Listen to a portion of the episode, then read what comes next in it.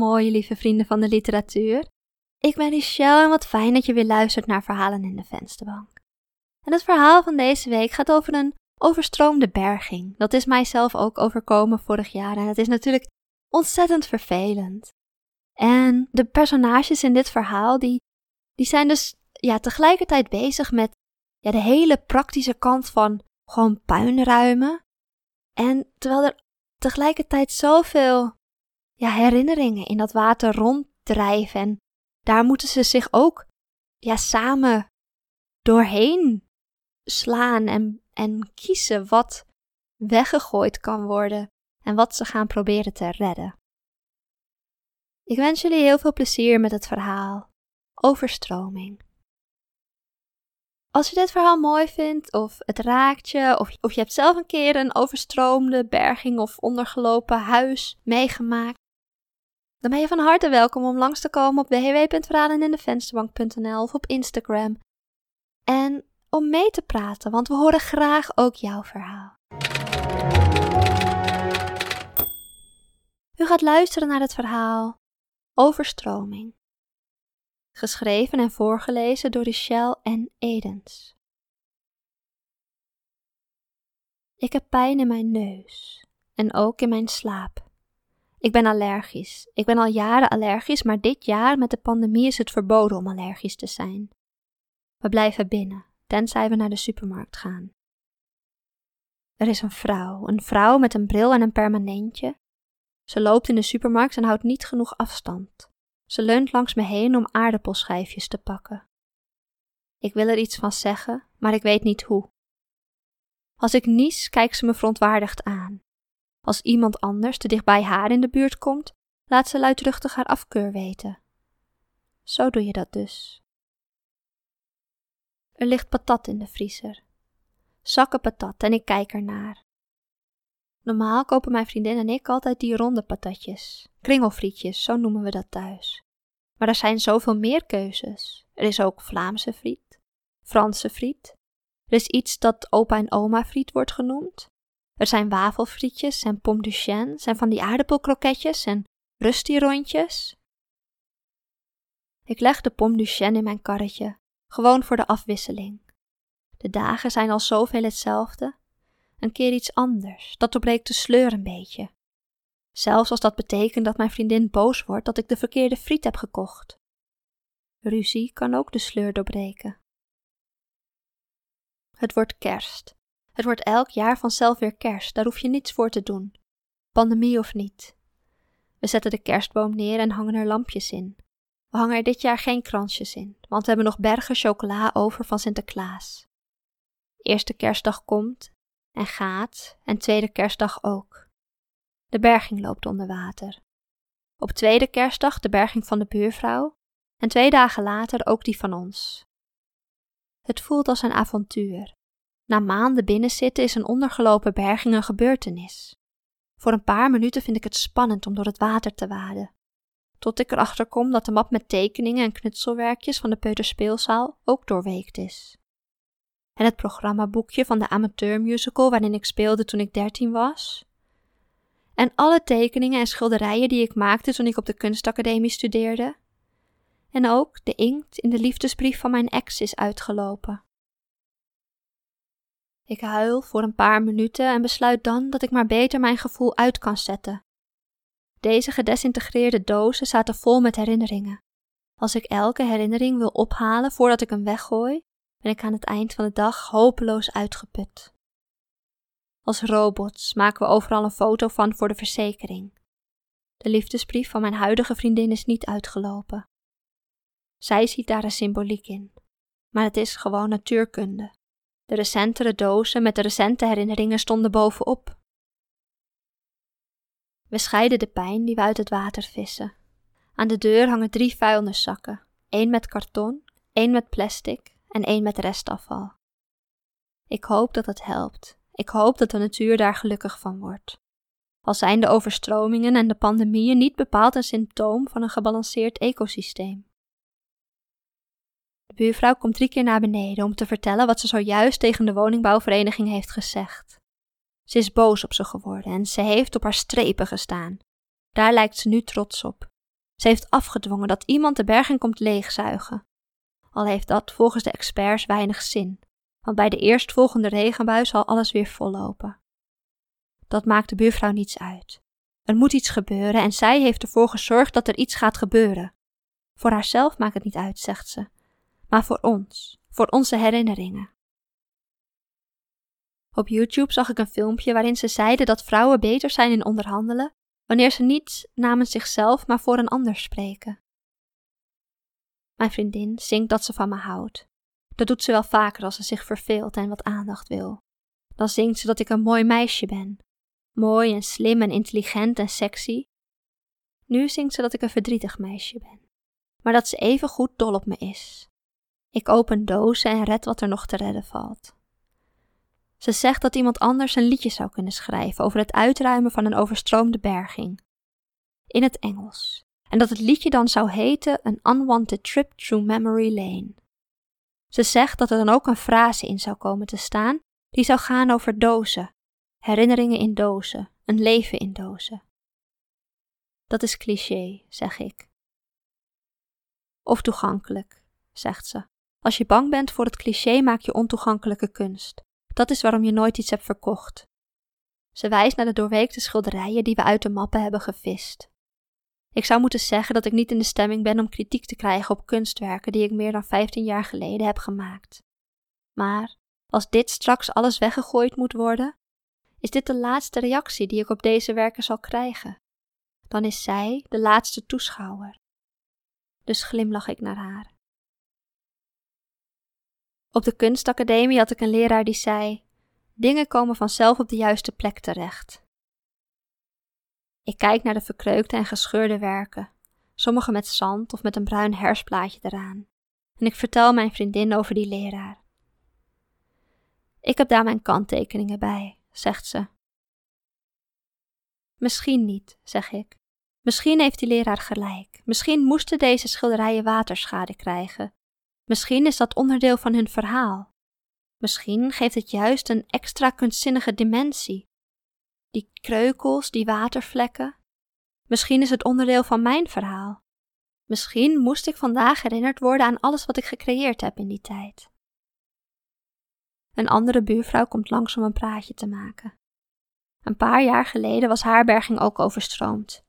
Niet met grondwater, maar omdat er een rioolbuis was opengesprongen. Gelukkig is het grondwater, zegt de buurvrouw. Gelukkig is het maar grondwater, zegt mijn vriendin. Misschien later, zeg ik, als het allemaal in het museum hangt, misschien. Ik haal mijn schouders op. Als je maar beroemd genoeg bent, vindt men alles interessant. Als men van Picasso een bij een overstroming verloren gewaand schilderij terugvond en daar zat nu waterschade in, zou men het alsnog in een museum ophangen? Dan zou de waterschade bewijs zijn van een extra doorleefde diepzinnigheid. Maar jij bent geen Picasso, zegt mijn vriendin. Jij bent niet beroemd. Ik knik. Daar heeft ze gelijk in. Ik ben niet beroemd. Ik ben nog niet beroemd. Beroemd worden is altijd iets dat later gebeurt. Iets dat me per ongeluk zal overkomen. Niet iets waar ik zelf moeite voor doe. Ik ben niet het type dat met een portfolio vol schilderijen langs galeries of expositieruimtes gaat lopen leuren. Ik ben niet het leurtype. Ik ben het ontdekt type. Misschien is het mijn eigen schuld. Toen ik mijn werk in de berging opsloeg, wist ik dat ze onderhevig zouden zijn aan temperatuurverschillen en verschillende luchtvochtigheid. Misschien was mijn werk hier opslaan een motie van wantrouwen in mezelf. Realistisch gezien was het vooral een poging om mijn ex te plezieren en een aflopende relatie nog een paar maanden te rekken. Zij wilde graag in een minimalistisch huis wonen, een huis waar geen ruimte was voor een kist met kunstwerken. Mijn vriendin zegt dat ze pauze nodig heeft, dat ze een taartje wil eten, iets om deze dag vrolijker te maken. We gaan naar de supermarkt, midden in de pandemie. Je mag eigenlijk niet samen naar de supermarkt, maar we doen het dit keer toch. We halen niet eens boodschappen voor een week. We halen alleen maar twee taartjes. Zij een aardbeien bavarois en ik een moorkop. Fijne dag nog, zegt de cachère. Ik bedank haar vriendelijk en wens haar een fijne dag terug. Als we later naar huis lopen, zeg ik dat ik daar vandaag niets meer aan heb. dat mijn dag nu toch al verpest is, dat ik de fijne dagwens van de cachère liever tot morgen bewaar. Kan dat? vraagt mijn vriendin. Ik knik en zeg dat het kan. We eten taartjes, maar ik word er niet vrolijk van. En om ervoor te zorgen dat ik niet over een uurtje een suikerdip krijg, eet ik toch ook nog maar een appel en ik steek een lepel droge brinta in mijn mond voor de vezels. Brinta-vlokken kleven aan mijn verhemelte en zijn helemaal niet lekker zo droog. Ik lach. Nu is droog slecht, maar beneden is droog goed. Droog, nat, droog, nat, goed, slecht, goed, slecht. Ik schud mijn hoofd. Er zit geen verband tussen en toch voel ik me wanhopig om iets van betekenis. Ik til alle kunstwerken naar boven en hang ze op met schildersteep aan de muur om te drogen. Mijn vriendin kijkt ernaar en schudt haar hoofd. Wat, zeg ik.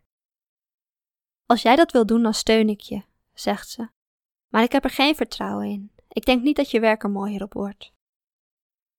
Ik haal mijn schouders op. Maar ik snap het als je er nog niet aan toe bent om het los te laten. Ik snap dat je alles geprobeerd wil hebben voordat je ze weggooit. Ik voel me eigenlijk niet zo gesteund als je dat soort dingen zegt, zeg ik. Ze is even stil. Ze kantelt haar hoofd en lijkt een paar tellen na te denken. Dat snap ik wel, zegt ze. Sorry. Ik pulk het volgende doorweekte schilderij van de stapel en hang het op. Niet recht zoals het hoort, maar zo dat de natte kant naar beneden hangt. Ik kijk ernaar en verbaas mezelf. Het schilderij is mooier dan ik me herinnerde. Veel van de schilderijen zijn mooier dan ik me herinnerde. Zoals ik tegenwoordig op foto's zie dat ik op mijn twintigste mooier was dan ik me toen voelde. Zo besef ik nu dat ik een betere kunstenaar was dan ik destijds dacht. Voor een moment heb ik er spijt van dat ik niet meer met mijn werk heb lopen leuren. Wellicht had het dan al lang in een museum gehangen, of veilig in een galerie. Misschien had ik dan wat werk al verkocht en zo genoeg geld verdiend om ergens anders te wonen dan in deze sociale huurwoning, met schimmel in de muren en overstromingen in de vloer.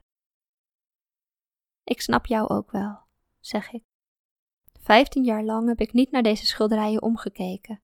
En als de berging niet was overstroomd, hadden ze waarschijnlijk nog vijftien jaar in de vergetelheid liggen verkleuren en beschimmelen. Wanneer had iemand ooit kunnen ontdekken dat ik zo'n talentvolle kunstenaar was, als niemand ooit mijn schilderijen heeft gezien?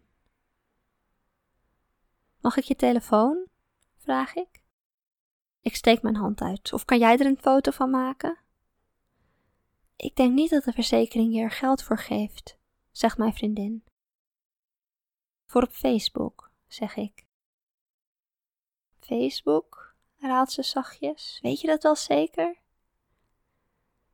We eten kringelfrietjes. De pomme de chennes blijven onaangeroerd en onopgemerkt achter in de vriezer liggen. Ons flatje is klein. We hebben niet veel muurruimte. Het duurt dagen voordat alle schilderijen en tekeningen aan de beurt zijn geweest om te drogen. Maar zelfs de tekeningen van de peuterspeelzaal zijn nu droog. Denk je dat het museum daarin geïnteresseerd is? vraagt mijn vriendin als ik het laatste plakwerkje van de muur trek. Wil je die ook op Facebook zetten? Misschien is het wel veilig om ze te digitaliseren, denk ik, maar dat zeg ik niet. Er zat iets sarcastisch in haar stem wat me afschrikte. En bovendien kan een laptop of een harde schijf net zo goed door water vernietigd worden. Mijn ouders hebben medelijden met ons en ze lenen ons pallets waar we onze dozen op kunnen zetten, zodat onze herinneringen bij een volgende overstroming hoger en hopelijk droger staan. Ik weet niet wat ze bedoelen met lenen en wanneer ze in hun hoofd hebben dat ze de pallets weer terug willen. Ik moet een nieuwe beschermmap kopen voor mijn schilderijen, maar vanwege de pandemie zijn alle winkels dicht. Ik bestel een nieuwe map op bol.com. Ik weet dat ik eigenlijk lokaal zou moeten bestellen, dat ik eigenlijk de kleine ondernemer zou moeten helpen. Maar bol.com heeft zijn website en zijn distributiesystemen al op orde. Met die kleine ondernemers die ineens moeten omschakelen, werkt het toch allemaal net iets minder soepel. Buiten gaat de zon onder. Een oranje gloed in de lucht van de kassen. Een silhouet van een vogel die veel te laat nog naar het zuiden probeert te trekken. U heeft geluisterd naar het verhaal Overstroming, geschreven en voorgelezen door Richelle en Edens. Hartstikke bedankt voor het luisteren naar dit verhaal. Ik hoop dat je het mooi vond of dat het je heeft geraakt. Als dat zo is, of als je iets anders wil vertellen over, over bijvoorbeeld overstromingen of over uh, klimaatveranderingen, dan ben je van harte welkom op Instagram, verhalenindevensterbank.nl of op de website www.verhalenindevensterbank.nl of op YouTube bij het YouTube-kanaal Verhalen in de Vensterbank. En praat mee, want we horen graag ook jouw verhaal. Als je dit verhaal mooi, leuk, lief, ontroerend of verdrietig vond, Geef deze podcast dan 5 sterren of een like, afhankelijk van welke mogelijkheden jouw podcast-app jou biedt. En vergeet niet deze podcast te volgen, want we hebben elke week een nieuw verhaal en we hebben jou er graag volgende week weer bij. Voor nu, een hele fijne avond en een hele fijne week en ik zie jullie allemaal volgende week bij het volgende verhaal. Doei doei!